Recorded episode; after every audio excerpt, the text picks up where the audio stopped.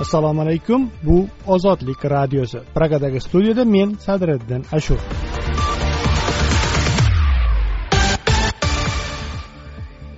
Ozodlikning bugungi dasturida turkmaniston prezidenti berdimuhammedov hokimiyatni vorisiga topshirishga ishora qildi. Ekologlar va'da qilingan maosh ham oshmadi yo'l va ovqat pulidan ham mahrum bo'ldik. Aqsh mulozimi rossiya ukrainaga olimpiada tugamasidan hujum boshlashi mumkin. Dasturimizdan o'zbekistonliklar hayotiga oid boshqa lavhalar hamda xalqaro xabarlar ham o'rin olgan bu ozodlik radiosi. Ozodlikda xabarlar. Assalomu alaykum. So'nggi soat xabarlari bilan hurmat bobojon. Shahrixondagi portlash ro'y bergan kasalxonani isitishda qo'l bola uskunalardan foydalanilgani o'rtaga chiqmoqda. Shahrixonning e, qora ko'rpacha mahallasidagi shifoxonada gaz portlashdan bir kishi o'lgani kamida o'n bir kishi yaralangani xabar qilingan edi. Daryo nashrining shifoxona xodimlariga tayanib xabar berishicha binoni isitish maqsadida E, tabiiy gaz bilan birga skotch gaz ballonlaridan foydalanilgan shuningdek e, binoning yerto'la qismiga shlang orqali gaz o'tkazilgan bo'lgan natijada yerto'lada gaz e, dimlanib qolgan. Bundan tashqari binoni tozalash davomida ham gaz so'rgichlar topilgan. Ammo bu holatning portlashga bevosita bog'liqligi hozircha ma'lum emas. Tekshiruvlar davom etmoqda. O'zbekiston bosh prokuraturasi hodisa yuzasidan jinoyat kodeksining ikki yuz ellik yettinchi moddasi mehnatni muhofaza qilish qoidalarini buzish bilan bog'liq jinoyat ishi ochgan tergov xulosalari hozircha e'lon qilinmagan. O'zbekistonda gazdan noto'g'ri foydalanish oqibatida portlash va yong'inlar e, sodir bo'lib turadi. O'zbekiston prezidenti shavkat mirziyoyev e, samarqandga e, safari davomida viloyatdagi ikki tuman hokimini ishdan olgan shuningdek ayrim sektor rahbarlari ham ishdan bo'shatilgan faoliyatida jiddiy xato va kamchiliklarga yo'l qo'ygani degan vaj bilan e, samarqand tumani hokimi nosir mavlonov va nurobod tumani hokimi faxriddin zoirov lavozimlaridan chetlatilgan shuningdek oqdaryo tumani prokurori samarqand shahri samarqand va oqdaryo tumani ichki ishlar boshqarmalari boshliqlari urgut va payariq tumanlari davlat soliq inspeksiyalari rahbarlari hamda viloyat elektr tarmoqlari korxonasi rahbari ham lavozimlarini tark etgan.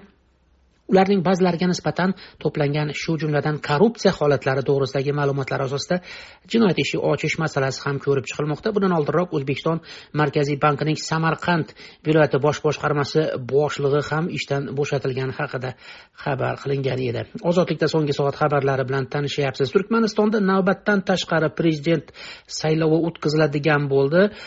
Turkmanistonda o'n ikkinchi mart kuni muddatidan oldin prezident saylovi o'tkaziladi. Bu haqda mamlakat markaziy saylov komissiyasiga tayangan holda reuters agentligi xabar berdi. Turkmaniston e, prezidenti qurbonquli berdimuhamedov o'n birinchi fevral kuni parlamentning yuqori palatasi xalq maslahatining navbatdan tashqari yig'ilishida yosh rahbarlarga yo'l berishdek murakkab qarorga kelganini e'lon qilgan edi.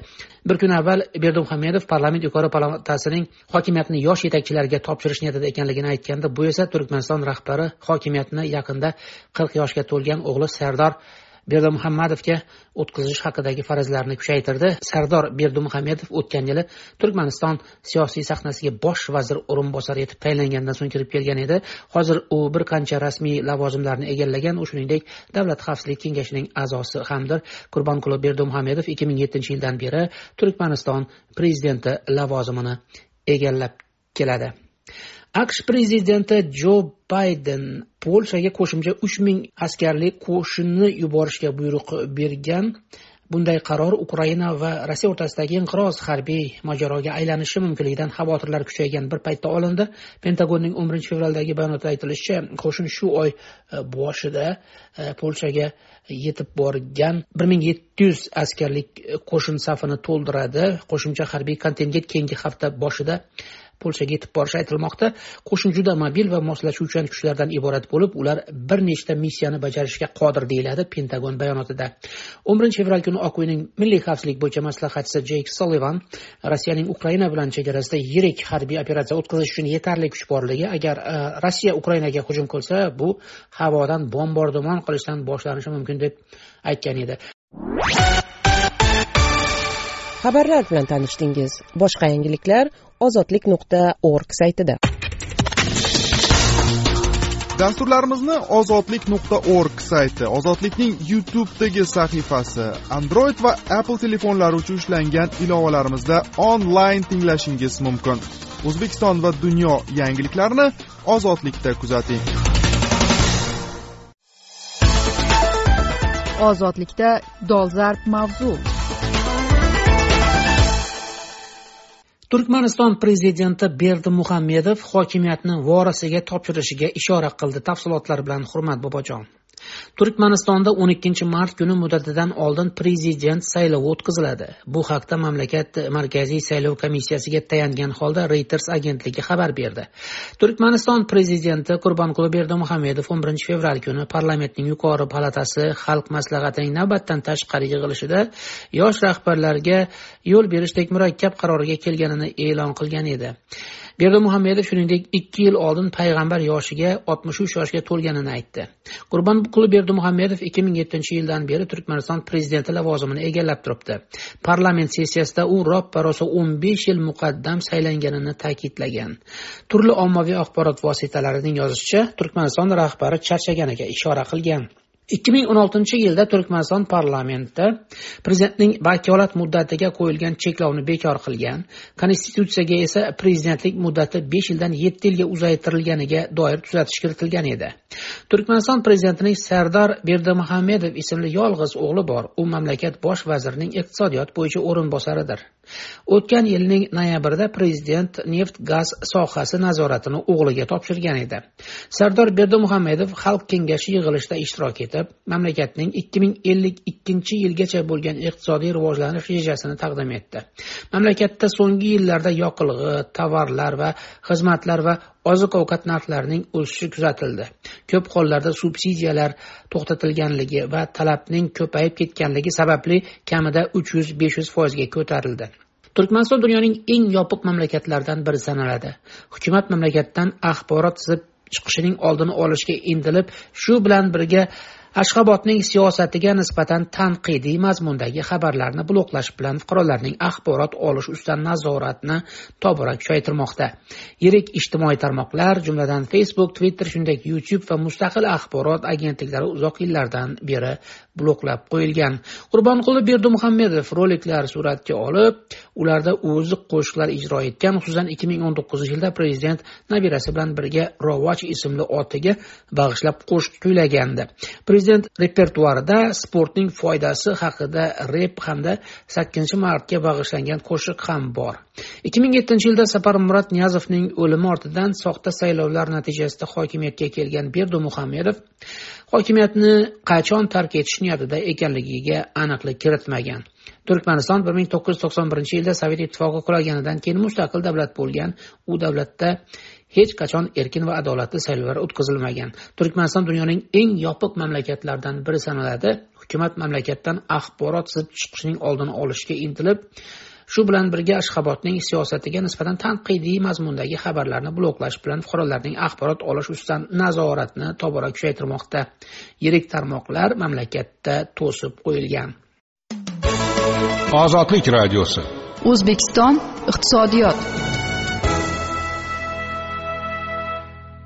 o'zbekiston bosh vazirining birinchi o'rinbosari ochilboy ramatov ikki ming yigirma birinchi yil birinchi fevralda ekologiya va atrof muhitni muhofaza qilish davlat qo'mitasi kengaytirilgan hay'at yig'ilishida moliya vazirligiga ekologlar maoshini ikki uch baravarga oshirish haqida topshiriq bergan edi. Oradan bir yil o'tdi. Ekologlar maoshi oshmadi. Aksincha ular olib turgan yo'l puli va ovqat puli ham to'xtatildi. Uch oydan buyon bu imkoniyatdan ayrilgan ekologlarning aytishlaricha ular juda qiyin ahvolda qolishgan. Bir yarim million so'm atrofidagi maosh ularning yo'lkirasiyu tushligidan ortmayapti. Ekologiya va atrof muhitni muhofaza qilish davlat qo'mitasining qashqadaryo viloyat boshqarmasi mulozimi shunday holat bo'layotganini tasdiqlar ekan yangi tayinlangan qo'mita raisidan bu borada ijobiy qadam kutayotganini aytdi. Tafsilotlar bilan men sadiriddin ashur. Ozodlik tahririyatiga qashqadaryolik ekologlardan kelgan shikoyatda shunday yozilgan. Mana uch oydirki viloyat ekologiya boshqarmalarida yo'l puli va ovqat pulini berishmayapti. Inspektorlar shu pulga ishonib kredit olishgan har bir kamida bir yarim ikki million so'm davlatga kredit to'laydi.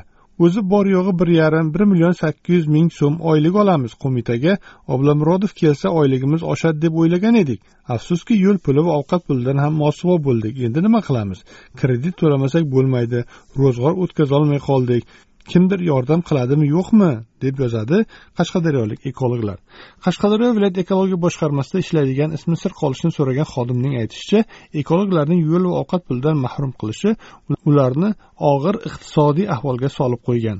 Ikki ming yigirmanchi yilning iyun oyidan beri yo'l va ovqat puli olayotgan edik. U payt shavkat abdurazzoqov qo'mita raisi edi. Masalan toshkentda ishchilarga проездной beriladi. Biz doim ish bilan ko'chada yuramiz. Shunga shavkat abdurazzoqov jamg'armaning hisobidan ekologlarga yordam bo'lsin deb yo'l va ovqat puli qildirgan edi.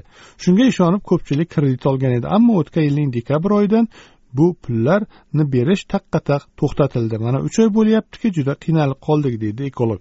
Ismi sir qolishini so'ragan viloyat ekologiya boshqarmasi laborantining aytishicha yo'l va ovqat puli bir million so'm atrofida bo'lgan. Bizning oyliklar bir million to'rt yuz bir million sakkiz yuz ming so'm atrofida.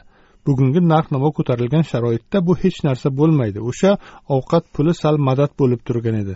Bosh vazir o'rinbosari ochilboy ramatov o'tgan yili maoshlarning ikki uch baravariga oshishi haqida gapirib bizni rosa xursand qilgan edi. Lekin maosh ham oshmadi. Aksincha yo'l va ovqat pulidan ham mahrum qilishdi deydi laborant o'zbekiston respublikasi bosh vazirining birinchi o'rinbosari ochilboy ramatov ikki ming yigirma birinchi yil birinchi fevralda o'tkazgan ekologiya va atrof muhitni muhofaza qilish davlat qo'mitasi kengaytirilgan hay'at yig'ilishida ekologlar maoshini ikki uch baravarga oshirish haqida moliya vaziriga topshiriq bergan edi. Bu haqda yig'ilish bayonnomasida shunday deyilgan. Moliya vazirligi davlat ekologiya qo'mitasi ikki oy muddatda davlat ekologiya qo'mitasi tizimi xodimlarining byudjet hisobidan oladigan oylik ish haqi miqdorini ikki uch baravarga oshirish hamda yo'lkira ovqatlanish uchun beriladigan mablag'lar va ish stajiga ustama to'lovlarni davlat byudjeti hisobidan qoplash masalasini ko'rib chiqsin. Iqtibos tugadi. Ammo ekologlarning aytishlaricha maoshlar oshmagan boz ustiga yo'l va ovqat pulidan ham ular mahrum bo'lgan. Ekologiya va atrof muhitni muhofaza qilish davlat qo'mitasining qashqadaryo viloyat boshqarmasining o'zini tanishtirmagan mulozimi ekologlar iqtisodiy tomondan qiynalib qolishganini tasdiqladi. Bunday holat faqat bizning viloyatda emas butun respublika bo'ylab shunday. Ma'muriy jarima qo'llagan ekologlarga o'sha jarima miqdorining o'n foizi tashlab beriladi ammo laborant va kam oylik olib ishlaydigan xodimlarga biroz og'ir bo'lyapti. Endi mana qo'mitaga o'ttiz birinchi dekabr kuni yangi rais qo'yildi. Xodimlarning iqtisodiy ahvoliga yangi rais befarq bo'lmaydi degan umiddamiz deydi boshqarma mulozimi. Ozodlik ekologiya va atrof muhitni muhofaza qilish davlat qo'mitasining matbuot xizmati bilan ikki kun davomida bog'lanishga harakat qildi. Ammo telefon qo'ng'iroqlariga hech kim javob bermadi. Ozodlikda dolzarb mavzu.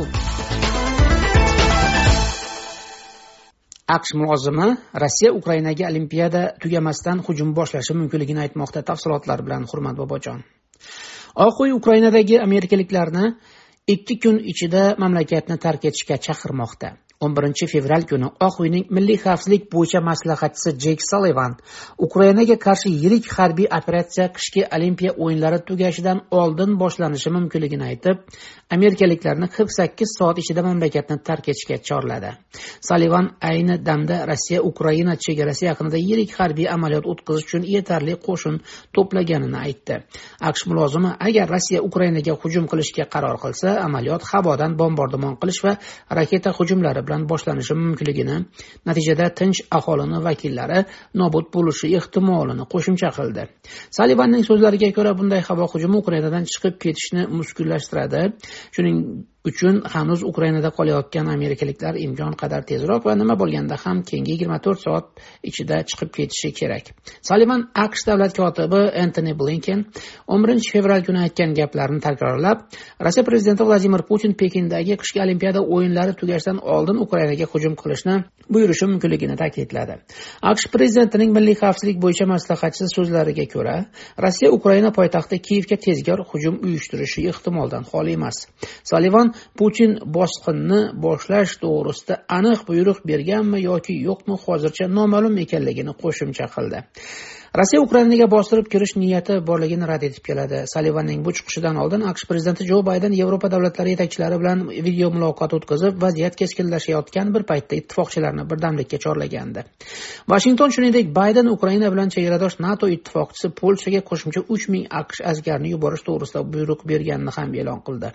Pentagon o'n birinchi fevral kuni e'lon qilgan bayonotda aytilishicha qo'shinlar keyingi hafta boshida polshaga yetib boradi. Joriy oy boshida polshaga bir ming yetti yuzga yaqin amerikalik askar yuborilgandi. O'n birinchi fevral kuni kechqurun kreml rossiya prezidenti vladimir putinning o'n ikkinchi fevral kuni bayden va e, fransiya prezidenti emmanuel makron bilan telefon orqali muloqot qilishini ma'lum qildi. Kreml matbuot kotibi dmitriy peskov putin va bayden o'rtasida telefon qo'ng'irog'ini uyushtirishni vashington taklif qilganini aytdi. Putin va bayden oxirgi marta dekabr oyida telefon muloqoti o'tkazgan edi. Makron bilan esa joriy hafta boshida putin moskvada uchrashib besh soatdan ortiq muzokara o'tkazdi. Kreml g'arb davlatlaridan xavfsizlik kafolati berilishini talab etmoqda. Xususan moskva ukrainaning natoga qo'shilmasligini rossiya bilan chegaralarga harbiy texnika joylashtirilmasligini nato kuchlari sharqiy yevropadan olib chiqib ketilishini kafolatlanishini so'ragan.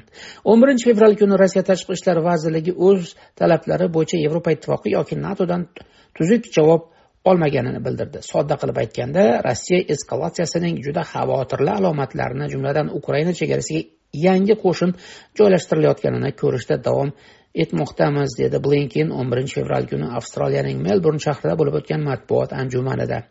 Avval aytganimizdek istalgan fursatda jumladan olimpiada o'yinlari tugamasdan hujum boshlanishi mumkin bo'lgan davrdamiz deya ta'kidlagan blinken. Janob blinken vashington o'z elchixonasidagi xodimlar sonini ozaytirishda davom etayotganini qo'shimcha qildi. Kotib davlat departamentining ukrainadagi e, aqsh fuqarolarini zudlik bilan mamlakatni tark etishga qaratilgan e, chaqirig'ini yana takrorladi. Rossiya g'arbning bosqin rejalashtirayotgani haqidagi ayblovlarni rad etmoqda ammo ayni paytda rossiya belarusda o'ttiz mingga yaqin askar ishtirokida harbiy mashg'ulotlarni o'tkazmoqda. G'arb buni provokatsion harakat o'laroq baholayotir qishki olimpiada o'yinlari yigirmanchi fevralgacha davom etadi. Odatda o'yinlar davomida barcha harbiy harakatlar to'xtatiladi ammo har doim ham emas. Aqsh davlat departamenti avvalroq ukrainadagi amerikaliklarni rossiya harbiy harakatlari taxtida kuchaygani uchun zudlik bilan mamlakatni tark etishga chaqirgandi. G'arb moskvaning asosiy talablarini bajarib bo'lmasligini aytib keladi. Yevropa ittifoqi va nato joriy hafta a'zolar mamlakatlar bir ovozdan gapirishga kelishib olganini bildirdi. Rossiya tashqi ishlar vazirligi matbuot kotibi mariya zaxarova o'n birinchi fevral kuni bo'lib o'tgan matbuot anjumani chog'ida jurnalist savoliga javob berar ekan bunday qadamni diplomatik odobsizlik va bizning iltimosimizga nisbatan hurmatsizlik belgisi sifatida ko'rishdan boshqa ilojimiz yo'q deya ta'kidlagan. Mudofaa vaziri sergey shaygu esa rossiya yevropa xavfsizligi bo'yicha aqsh va nato tomonidan o'rtaga tashlangan takliflarga yaqin kelajakda javob berishini aytdi. Shoygu o'n birinchi fevral kuni rossiya poytaxtiga kelgan buyuk britaniya mudofaa vaziri ben uells bilan muzokara o'tkazdi. Interfax agentligining xabar berishicha shoygu g'arbni ukrainaga qurol yaroq yetkazib berishni to'xtatishga chaqirgan hamda yevropada vaziyat keskinlashishiga rossiya aybdor emasligini ta'kidlagan. Shuningdek shoygu london nima uchun ukrainaga maxsus kuchlarni yuborayotgani haqida so'ragan. Uels shoygu bilan muzokaralar konstruktiv va samimiy bo'lganini aytdi. U rossiyaning ukrainaga bostirib kirmasligi haqidagi kafolatlarini jiddiy qabul qilishini biroq buning amalda isbotini ko'rishni xohlashini ta'kidladi. Uels rossiya ukrainaga bostirib kirsa buning oqibatlari fojiali bo'lishini yana bir bor ta'kidladi. Shuningdek vazir to'qnashuv oldini olish uchun harbiy kuchlar o'rtasidagi aloqani saqlab qolish zarur ekanligini qo'shimcha qildi. Ozodlik radiosi instagram tarmog'ida. Kundalik xabarlar audio video lavhalarimizni kuzatishingiz do'stlaringiz bilan osongina ulashishingiz mumkin. Lotinda ozodlik radiosi deb qidiring.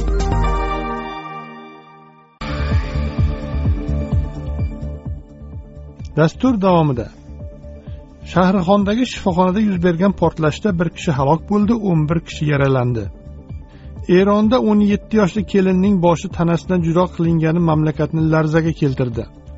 Axborotlashtirish va kommunikatsiya tarmoqlari vaziri tarmoqlar o'zbekiston kuch ishlatar tizimlari bilan hamkorlik qilishi kerakligini aytdi.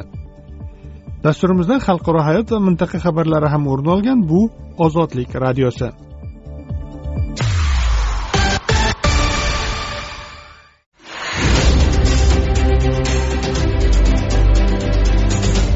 Ozodlik radiosi favqulodda hodisa.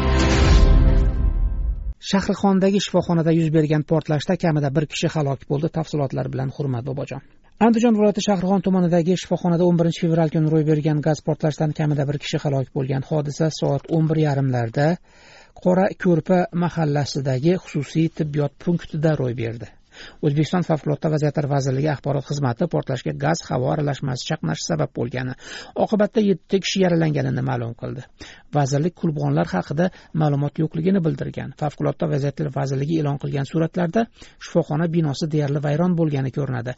Portlash ro'y bergan shifoxona xodimlaridan biri ozodlikka portlash oqibatida ellik yetti yoshli bemor ayol halok bo'lganini aytdi. Bir ming to'qqiz yuz oltmish oltinchi yilda tug'ilgan bemor ayol halok bo'ldi. Qutqaruv ishlari olib borilyapti yaralanganlarni olib chiqishyapti. Ularning aniq sonini bilmaymiz dedi shifoxonaning ismi ochiqlanmasligini istagan xodimi. Albatta andijon viloyat tibbiyot boshqarmasi bu haqda izoh berolmasligini aytdi. Bu kasalxona bizni tasarrufimizda emasligi sabab bu haqda hech narsa ayta olmaymiz deydi boshqarma mulozimi. Hodisa oqibatida yaralanganlar tuman tibbiyot birlashmasi shifoxonasiga yotqizilgan ularning jarohati qanchalik jiddiy ekani oralarida ahvoli og'irlari ayol yoki yosh bolalar bor yo'qligi haqida ma'lumot yo'q o'zbekistonda gazdan noto'g'ri foydalanish natijasida portlash yoki yong'inlar sodir bo'lib turadigan hodisadir. Gaz ta'minotidagi uzilishlar sababidan ham ba'zida portlashlar bo'lgan. Gaz yo'qligi oqibatida qo'l bola qo'lbola uskunalardan foydalaniladi. Ozodlik radiosi instagram tarmog'ida. Kundalik xabarlar audio video lavhalarimizni kuzatishingiz do'stlaringiz bilan osongina ulashishingiz mumkin.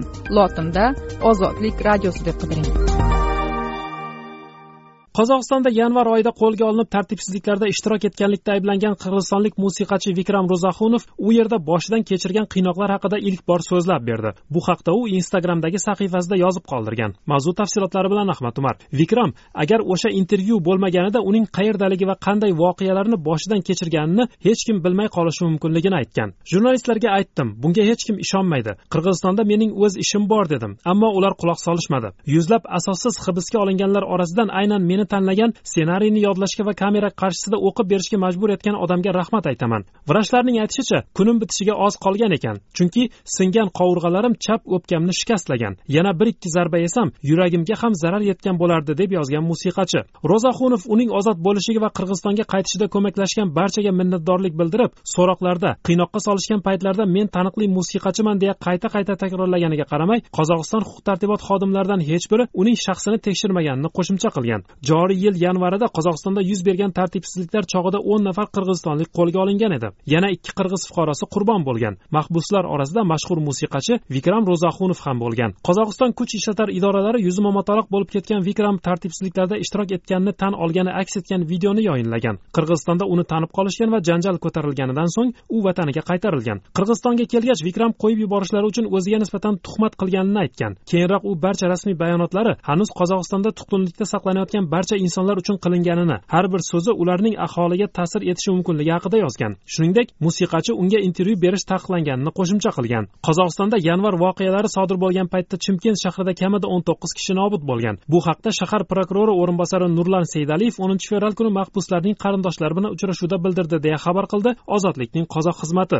Xavfsizlik idoralari ma'lumotiga ko'ra yanvar voqealari munosabati bilan sakson yettita jinoyat ishi qo'zg'atilgan yetmish olti kishi hibsda saqlanmoqda. Prokuratura vakili qo'lga olinganlarning qiynoqqa solinishi va tahqirlanishi faktlari bo'yicha yigirmata shikoyat tushgani shundan o'n beshtasi bo'yicha jinoyat ishlari ochilganini aytgan. Prokuratura va politsiya vakillari bilan uchrashuvda yanvar voqealarini tekshirish bo'yicha jamoatchilik komissiyasi a'zolari ham ishtirok etgan. Uchrashuvda mahbuslarning qarindoshlari noqonuniy qo'lga olishlar qiynoqlar va bosimlardan shikoyat qilganlar. Ular hibsdagi qarindoshlari darhol ozod etilishini talab qilishgan. Rasmiy ma'lumotlarga ko'ra yanvar voqealari paytida chimkentda uch yarim mingdan ortiq kishi qo'lga olingan. Shaharda janozenliklarni dastaklash maqsadida to'rtinchi oltinchi yanvar kuni tinch namoyishlar boshlangan edi. Guvohlarning aytishicha beshinchi yanvarda kuch ishlatar xodimlar namoyishchilarga qarata o't ochishgan. Yanvar voqealarida butun mamlakat bo'ylab kamida ikki yuz yigirma yetti kishi nobud bo'lgani aytilgan. Huquqbonlik tashkilotlari tartibsizliklarni bostirish chog'ida me'yordan ortiq kuch qo'llanilgani ko'p odamlar noqonuniy hibs etilgani so'roq va tergovda qiynoqqa solingani shuningdek tinch namoyishchilar terrorchi deya qoralayotganidan shikoyat qilishmoqda. Xalqaro tashkilotlar hukumatni yanvar voqealari xalqaro ekspertlarni jalb etgan holda xolis tergov qilinishini ta'minlashga chaqirgan. O'zbekiston siyosat. O'zbekiston hukumati tarmoqlar o'zbekiston kuch tizimlari bilan hamkorlik qilishi kerakligini aytmoqda tafsilotlar bilan. Hurmat bobojon. O'zbekiston hukumatining telegram instagram tiktok youtube facebook kabi xorijiy messenjer va tarmoqlarni mamlakat huquqni muhofaza qiluvchi idoralari bilan hamkorlik qilishga ko'ndirish rejasini internet sohasi mutaxassislari so'z erkinligi ustidan nazoratni kuchaytirish urinishi sifatida baholashmoqda. O'zbek rasmiylari bundan avval xorijiy tarmoqlarning cheklanishini foydalanuvchilarning shaxsiy e, ma'lumotlarini o'zbekistondagi serverlarda saqlash talabi bilan izohlagandi. O'tgan yili akt vazirligi e, tomonidan ilgari surilgan ushbu talabni hozirgacha birorta platforma bajarmagan. Buning ortidan e, o'zbekistonda bir qancha ijtimoiy tarmoqlarga kirish cheklab qo'yildi. Endilikda o'zbek tomoni xorijiy messenjer va tarmoqlar ma'lumot almashishda hamkorlik qilish kerakligini aytmoqda. O'zbekiston akt vaziri sherzod shermatov to'qqizinchi fevral kuni kun uz muxbiri bilan suhbatda ularning asosiy talabi endilikda serverlarni e, o'zbekistonga olib kelish emas balki e, huquqbuzarlikni vaqtida aniqlash uchun ushbu platformalarning o'zbek hukumati e, mulozimlari va e, huquqni muhofaza qiluvchi idoralari bilan hamkorligi ekanini aytmoqda. Shermatovning ta'kidicha qo'shni davlatlardagi so'nggi voqealar bu kabi hamkorlik zaruratini yanada kuchaytirgan. Masalan terroristik guruhlarni o'zaro koordinatsiya qilish faoliyati bo'lsayu huquqni muhofaza qiluvchi organ uni topa olmasa bu nima degani? Sababi o'sha kripto qilingan ijtimoiy tarmoqda bunga imkoniyat bo'lmasa yoki o'zbekiston juda ko'p madaniyat va din vakillari yashaydigan davlat. Bu yerda millatlararo nizo qo'zg'atish juda oson. Mana qirg'izistondagi voqealar misol. Ertaga xuddi shunga o'xshash to'polon yoki boshqa narsa qilishi mumkin. Bizni huquqni muhofaza qiladigan organlarimiz uni egasini topib chora ko'radigan darajada bo'lishi kerak dedi shermatov. O'zbekistonda ikki ming yigirma birinchi yil o'n oltinchi apreldan kuchga kirgan shaxsga doir ma'lumotlar to'g'risidagi qonunga muvofiq xorijiy internet platformalariga o'zbekistonliklarning shaxsiy ma'lumotlari saqlanadigan serverlarni mamlakatga olib kelish talabi qo'yilgandi. Ammo twitter va facebook kabi amerikaning it gigantlari foydalanuvchilar ma'lumotlarini o'zbekistonga ko'chirish talabini e'tiborsiz qoldirgan. Facebook shirkati rahbari mark sukerberg inson huquqlari poymol etiluvchi mamlakatlarda data markazlar ochmasligini aytgan. Akt vaziri sherzod shermatov xorijiy platformalar bilan hamkorlik qanday shartlarga asoslanishini aytmadi lekin uning so'zlaridan gap tarmoq foydalanuvchilari ma'lumotlari bilan almashish haqida borayotganini anglash mumkin. Sizning huquqingizni kimdir e, buzdimi? Siz huquqni muhofaza qiluvchi organga murojaat qilganda ular o'sha firibgarni topishi kerak. Lekin hozir topolmayapti. Topish uchun ular bilan ya'ni xorijiy ijtimoiy tarmoqlar o'zaro munosabatni yo'lga qo'yishi kerak.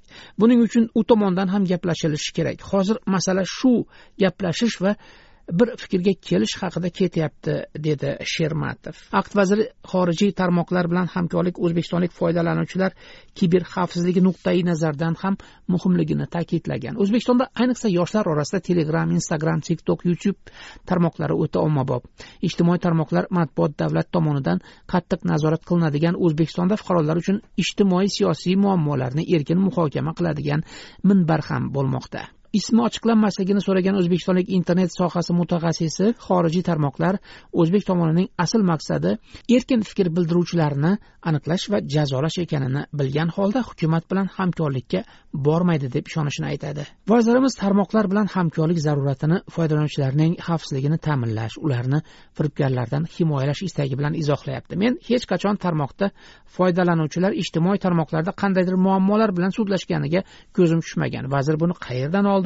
Agar vazirimiz xorijiy ijtimoiy tarmoqlardagi shaxsiy ma'lumotlardan shunchalik xavotirda bo'lsa u holda milliy tarmoq va tizimlarda ma'lumotlar qanday himoyalanganligi haqida ham o'rnak ko'rsatish kerak bo'ladi. Aynan xorijiy tarmoqlarda o'zbek foydalanuvchilar o'z fikrini aniq bildiradi xavfsiz bo'lganligi uchun ham. Bundan kelib chiqadiki ularning maqsadi shu erkin fikr bildiruvchilarni aniqlash va jazolash bo'lib chiqyapti. Lekin facebook va boshqa tarmoqlar foydalanuvchilarining shaxsiy ma'lumotlari bilan almashish darajasida hamkorlik qiladi deb o'ylamayman deydi toshkentlik mutaxassis. O'zbekistonda yuz minglab obunachilarga ega o'zbek blogerlari ham youtube facebook tiktok instagram odnoklassniki vkontakte va boshqa ijtimoiy tarmoqlar telegram whatsapp imo va boshqa messenjerlarda faoliyat olib boradi. Ularning ko'pchiligi xavfsizlik sabablari bois anonim tarzda faoliyat yuritadi. G'arblik ekspertlar o'zbekiston hukumati tarmoqlar va umuman internetni nazorat qilishda rossiya va xitoydan nusxa ko'chirayotganini aytib kelishadi. Ozodlik whatsapp va telegramda. Plyus to'rt yuz yigirma yetti yuz yigirma to'rt to'qqiz yuz yetmish bir besh yuz o'ttiz to'qqiz plyus to'rt yuz yigirma olti yuz ikki olti yuz o'n ikki yetti yuz o'n uch marhamat bizga bog'laning